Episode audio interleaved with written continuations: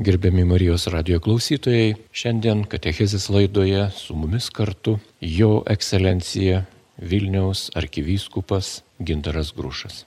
Garbė Jėzui Kristui, sveikinu visus Marijos radijos klausytojus, proga mums ir mąstyti apie Dievo gailestingumą, melstį Dievo gailestingumą ir kuo labiau patirti Dievo gailestingumo malonės, kur mums skirtos mums čia Vilniuje, čia šventai Faustinai buvo apreikšta Dievo gailestingumo slėpiniai, pagilinta, kad ir mes galėtumėm giliau suprasti, būtume pašaukti, giliau patirti ir įgyvendinti Dievo gailestingumo slėpinį.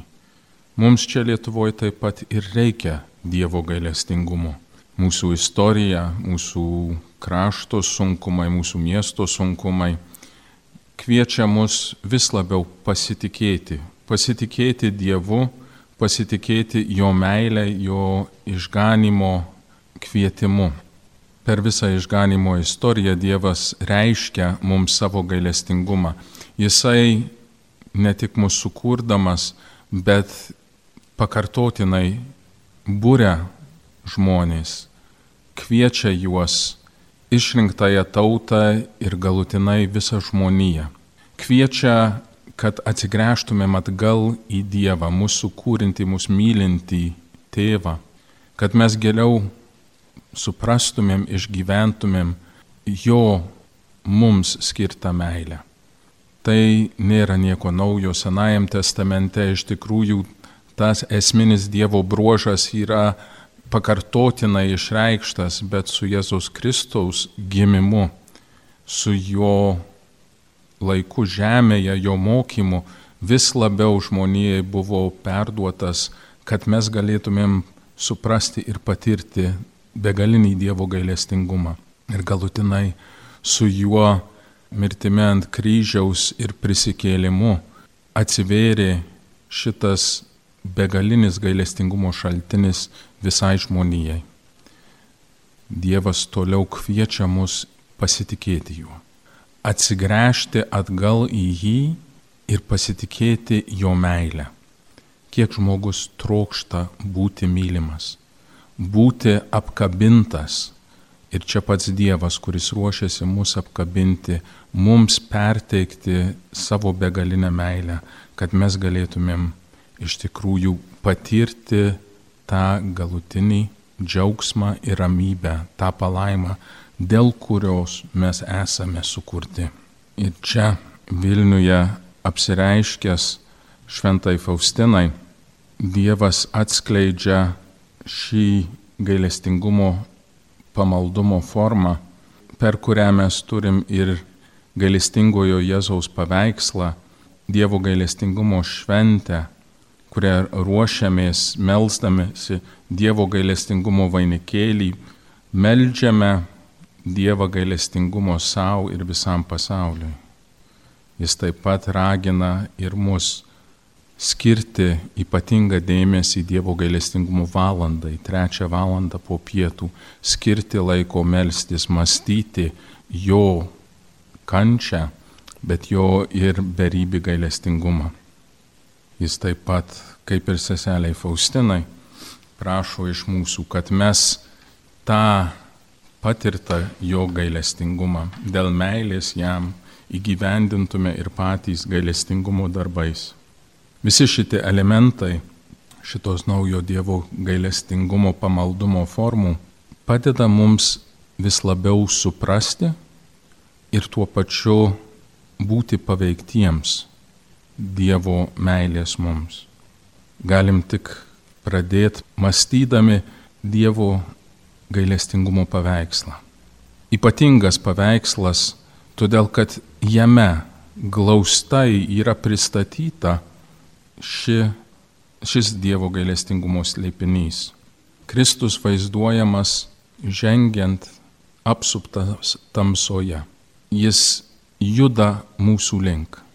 Jis ateina iš tamsos, iš tos pačios tamsos, kuri mus apsupa ir taip dažnai supa, mūsų nuodėmių tamsos, mūsų aplinkos tamsos. Jis pats, kuris prisistatė pasauliui, kad jis yra šviesa. Jis yra pasaulio šviesa ir jis atneša mums savo šviesą. Šviesą, kur atskleidžia mums tikrąjį grožį, tikrąją tiesą, kurį jis mums neša. Jis apšviečia mums gyvenimo kelią, kad mes rastumėm kelią į amžinąją palaimą, kad mes rastumėm, kaip vaikščioti per tą gyvenimą, kuris mums skirtas. Jo žvilgsnis paveiksle, akys nuleisto žemyn ir kaip jis seseliai Faustinai aiškino, tai yra jo žvilgsnis nuo kryžiaus. Jo gailestingasis žvilgsnis tiek trokštant išgelbėti sielą, bet jo gailestingumo žvilgsnis. Ta žvilgsnis su kuriuo jis žiūrėjo ne tik į po kryžiumi susirinktas mines, bet galėjo žvelgti per laiką ir erdvę, matyti visas tas sielas, dėl kurių jis pasiaukojo save. Jis savo devindienį novenuose, kasdien tuose maldose, intencijose kalba, kaip jis per savo kančią matė, buvo paguostas ar skaudžiai išgyveno įvairių žmonių meilę ar nemailę, nuodėmių skausmus. Tai yra tas žvilgsnis, su kuriuo jis į juos žiūrėjo, žvelgė ir priemė. Tai yra meilės akys, meilės žvilgsnis. Ir kaip bet kokį meilės žvilgsnį, jis kviečia mus atsiliepti kaip prie kenčiančio žmogaus mes prisartinam. Negalim pakeisti likimo, bet galim būti šalia, užjausti, būti kartu. Taip ir jis kviečia mus, žvelgiant į jo paveikslą, būti kartu su juo, jo kančioje, bet taip pat ir jo pergaliai. Nes paveikslas yra prisikėlimo paveikslas prisikėlusio Jėzaus paveikslas, kuris jau išgyveno savo kančią ir mirtį, kurio rankos yra paženklintomis žaizdomis, per kurias mes esame išgydyti. Matosi randai, kaip ir matėsi, kai jis pasirodė apaštalams viršutiniam kambarį. Iš tų randų irgi šviesa spindi. Šviesa, kuri spindi iš jo širdies Jis atveria savo drabužį, kad tie gailestingumo spinduliai būtų matomi, mus pasiektų, kad mes galėtumėm būti nuplauti tą malonę, pripildyti tą malonę. Tie spinduliai raudoni ir balksvi, kurie atstovauja tiek kraują ir vandenį, kuris ištryško iš jo šono mirties momentu bet tuo labiau tai simbolizuoja ir sakramentinį gyvenimą. Krikšto vandenis, kurie nuplauna mūsų nuodėmės, kurie mus padaro Dievo vaikais, mums atidaro amžinojo gyvenimo vartus, bet taip pat ir raudona, kuri simbolizuoja Kristaus kraują, Eucharistiją, per kurią mes esam maitinami šiame gyvenime, per kurio prieimimą mes tampame vis panašesni į viešpatį. Ir ta ranka iškelta laiminant. Ta ranka, kur, kaip parašyta Šventojios Faustinos dienoraštyje, kurią įmatė įstatyta aušros vartuose ir per tą didįjį jubiliejaus šventę matė, kaip ranka pradeda iš tikrųjų laimint susirinkusią žmonių minę. Tai yra ir palaimos ranka, bet tuo pačiu ta ranka daro tą patį kryžiaus ženklą, kur kunigas daro, kai išriša nuodėmės.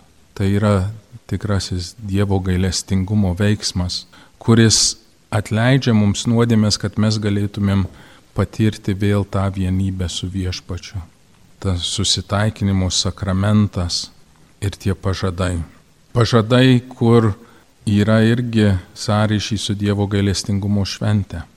Viešpats pažadėjo, kad šio šventai, kas prieis iš pažinties ir priims komuniją, tam bus suteikti visuotiniai atlaidai, tai yra, kad jiems bus atleistos nuodėmės ir jų pasiekmes. Tai yra didžiulis Dievo pažadas mums, didžiulė dovana, kurią tikrai turime pasinaudoti.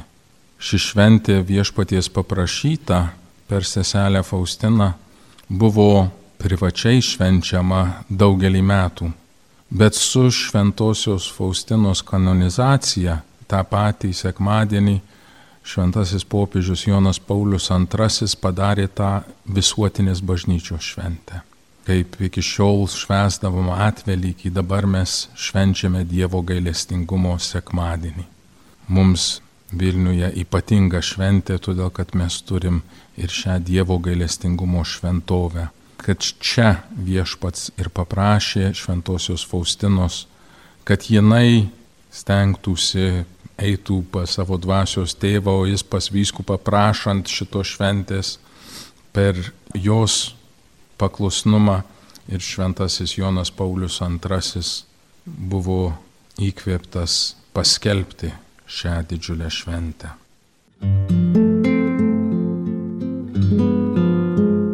Jūs girdite Marijos radiją.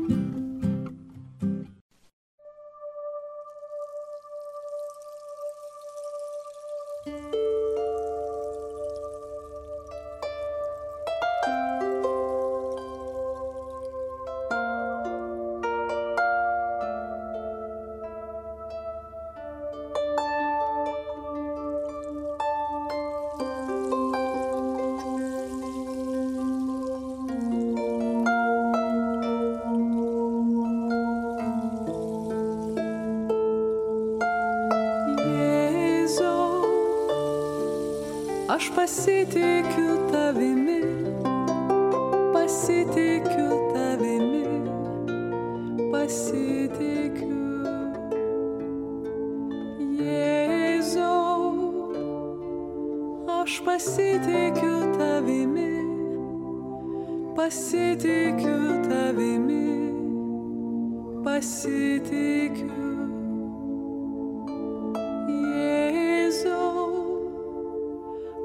Pasitikiu tavimi, pasitikiu tavimi, pasitikiu. Jėzau, aš pasitikiu tavimi, pasitikiu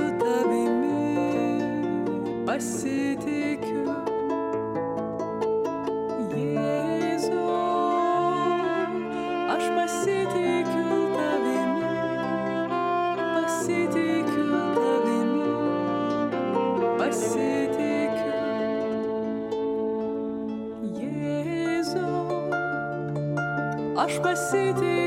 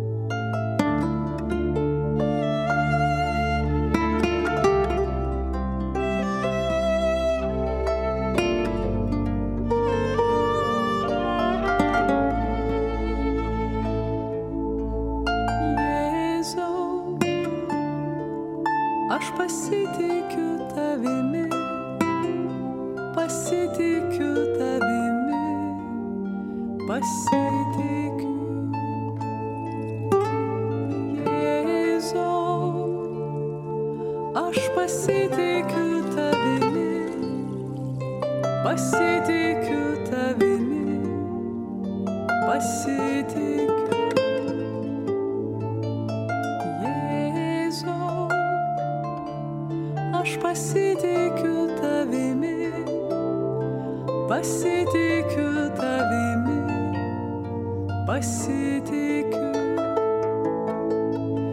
Jėzau, aš pasitikiu tavimi, pasitikiu tavimi, pasitikiu. Dievas kviečia mus per devindienį melstis kasdien vainikėlį, jo mums duotą maldą ir kasdien prašyti skirtingom intencijom Dievo gailestingumo visam pasauliu. Pirmai dienai melžiamės už visą žmoniją, o ypač nusidėlius. Antrą dieną jis kviečia mus melstis už kunigus, kunigų bei vienuolių sielas, kurį jį guodė. Trečią dieną jis kviečia mus panardinti jo gailestingumo vandenyse pamaldžias ir ištikimas sielas. Ketvirta, mes melžiamės už pagonis, už tuos, kurie jo dar nepažįsta. Penktą dieną esame kviečiami melstis už heretikus ir atsiskyrusiųjų sielas. Šeštą dieną jis kviečia mus melstis už nuolankius, romius ir vaikelių sielas. Septintąją dieną jis nori panardinti tuos, kurie ypač garbina ir šlovina jo gailestingumą. Aštuntą dieną melžiamės už tuos, kurie yra skaistykloje, o devintą už atšalusias sielas.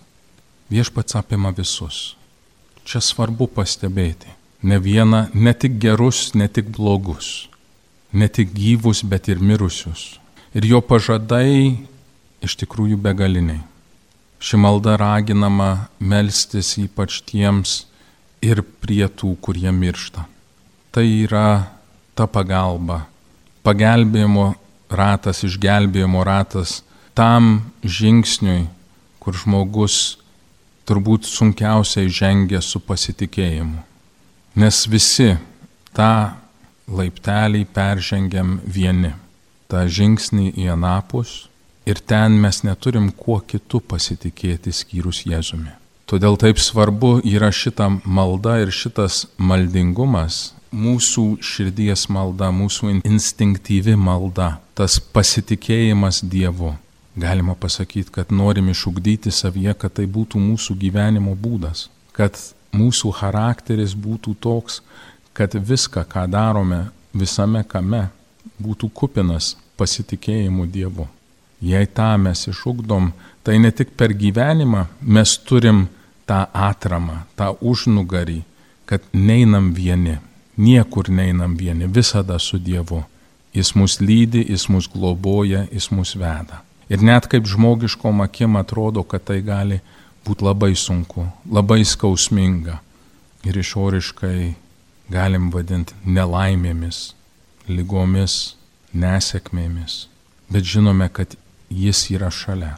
Ir tada jis mums duoda jėgų, tada kas tai bebūtų. Net ir mūsų paskutinis žingsnis yra tokvėpis šiame pasaulyje, yra su juo ir jis mus palydė į tą amžiną į džiaugsmą, kuris mums yra pažadėtas, kuris, kaip ir pats Jėzus sakė, jis yra nuėjęs mums paruošti vietų savo dangiškose rūmose, savo amžinybėje. Dievas ir toliau kviečia mus mąstyti jo gailestingumą. Tas gailestingumo mąstymas ypač kasdienė malda trečią valandą Kristaus nukryžiavimo valandą, mirties valandą.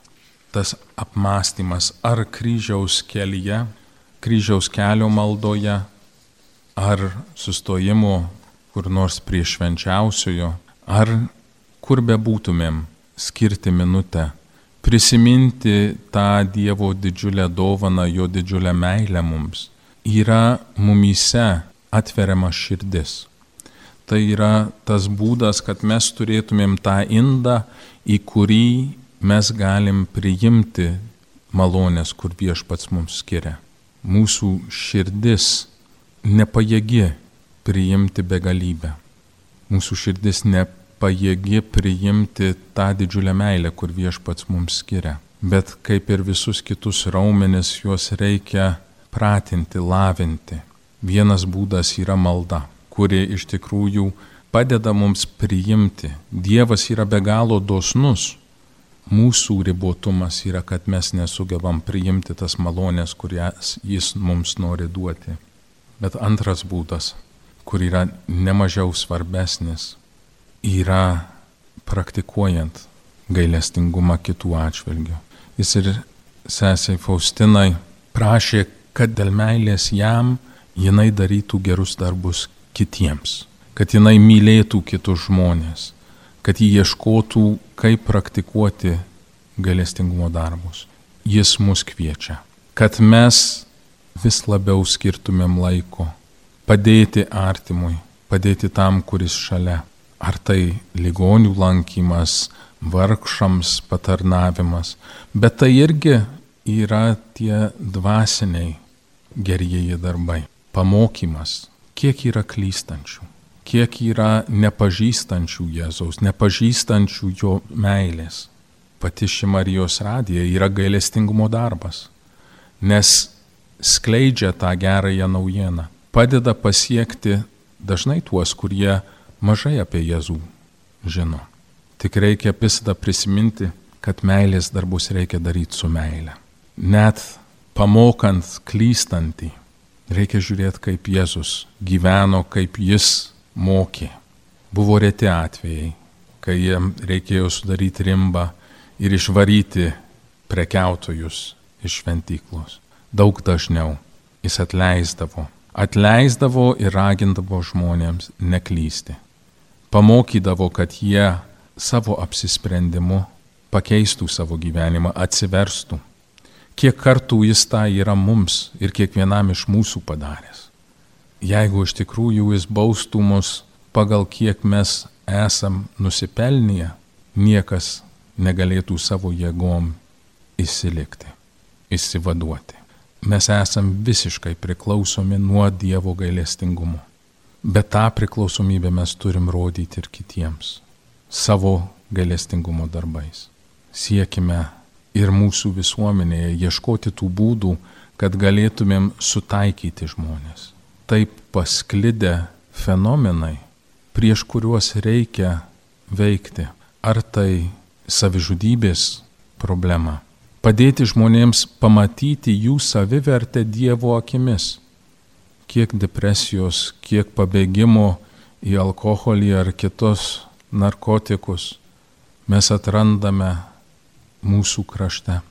Bet tai labai dažnai yra todėl, kad žmogus nesugeba matyti save, kaip Dievas į jį žiūri, nesugeba patirti Dievo meilę.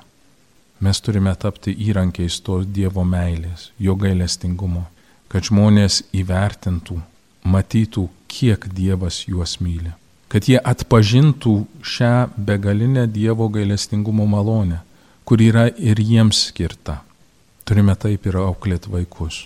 Kiek yra išplitusi mokyklose patyčių problema. Patyčių ir žeminimo vienas kito. Kai kas atėjo istoriškai kur tarpusavio santykiai, todėl kad nebuvo galima viešai kalbėti apie Dievą, buvo pažeisti. Dabar mes galim, bet labai dažnai nedrįstam ir nenorim viešai kalbėti apie Dievo meilę. Nenorim pasakyti žmonėms, kad Dievas juos myli. Dievas jiems yra gailestingas. Būkime Dievo įrankiai šiais gailestingumo metais. Ir ne tik dėl mirusiųjų. Tai nėra tik dėl gyvųjų, kaip matėm anksčiau, bet šiais metais labai svarbu prisiminti, kad dėmesys yra ir mirusiems skirtas. Kiek mes daug gero galime padaryti, kiek gailestingumo darbų mirusiems. Labai dažnai nelapkričio pirmom dienom mes užmirštame mirusiuosius.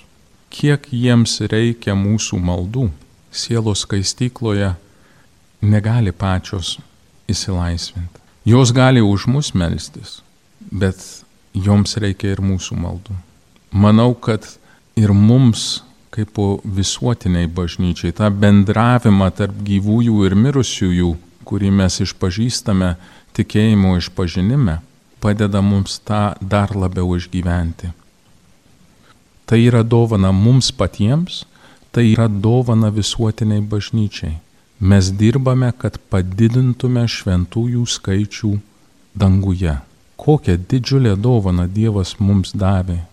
noriu paraginti visus aktyviai dalyvauti, aktyviai liūdyti šitą Dievo gailestingumą visai tautai, melstis nuolatos Dievo gailestingumo savo ir visam pasauliui, praktikuoti gailestingumo darbus, kad atvertumėm ir savo širdį Dievo gailestingumo veikimui ir juo dalintumėmės ir skleistume kuo plačiau mūsų visuomeniai ir priimti tas malonės, kur Dievas duoda mums ir jau iškeliavusiems, mirštantiems, kad jie galėtų džiaugtis dangaus pilnatvę.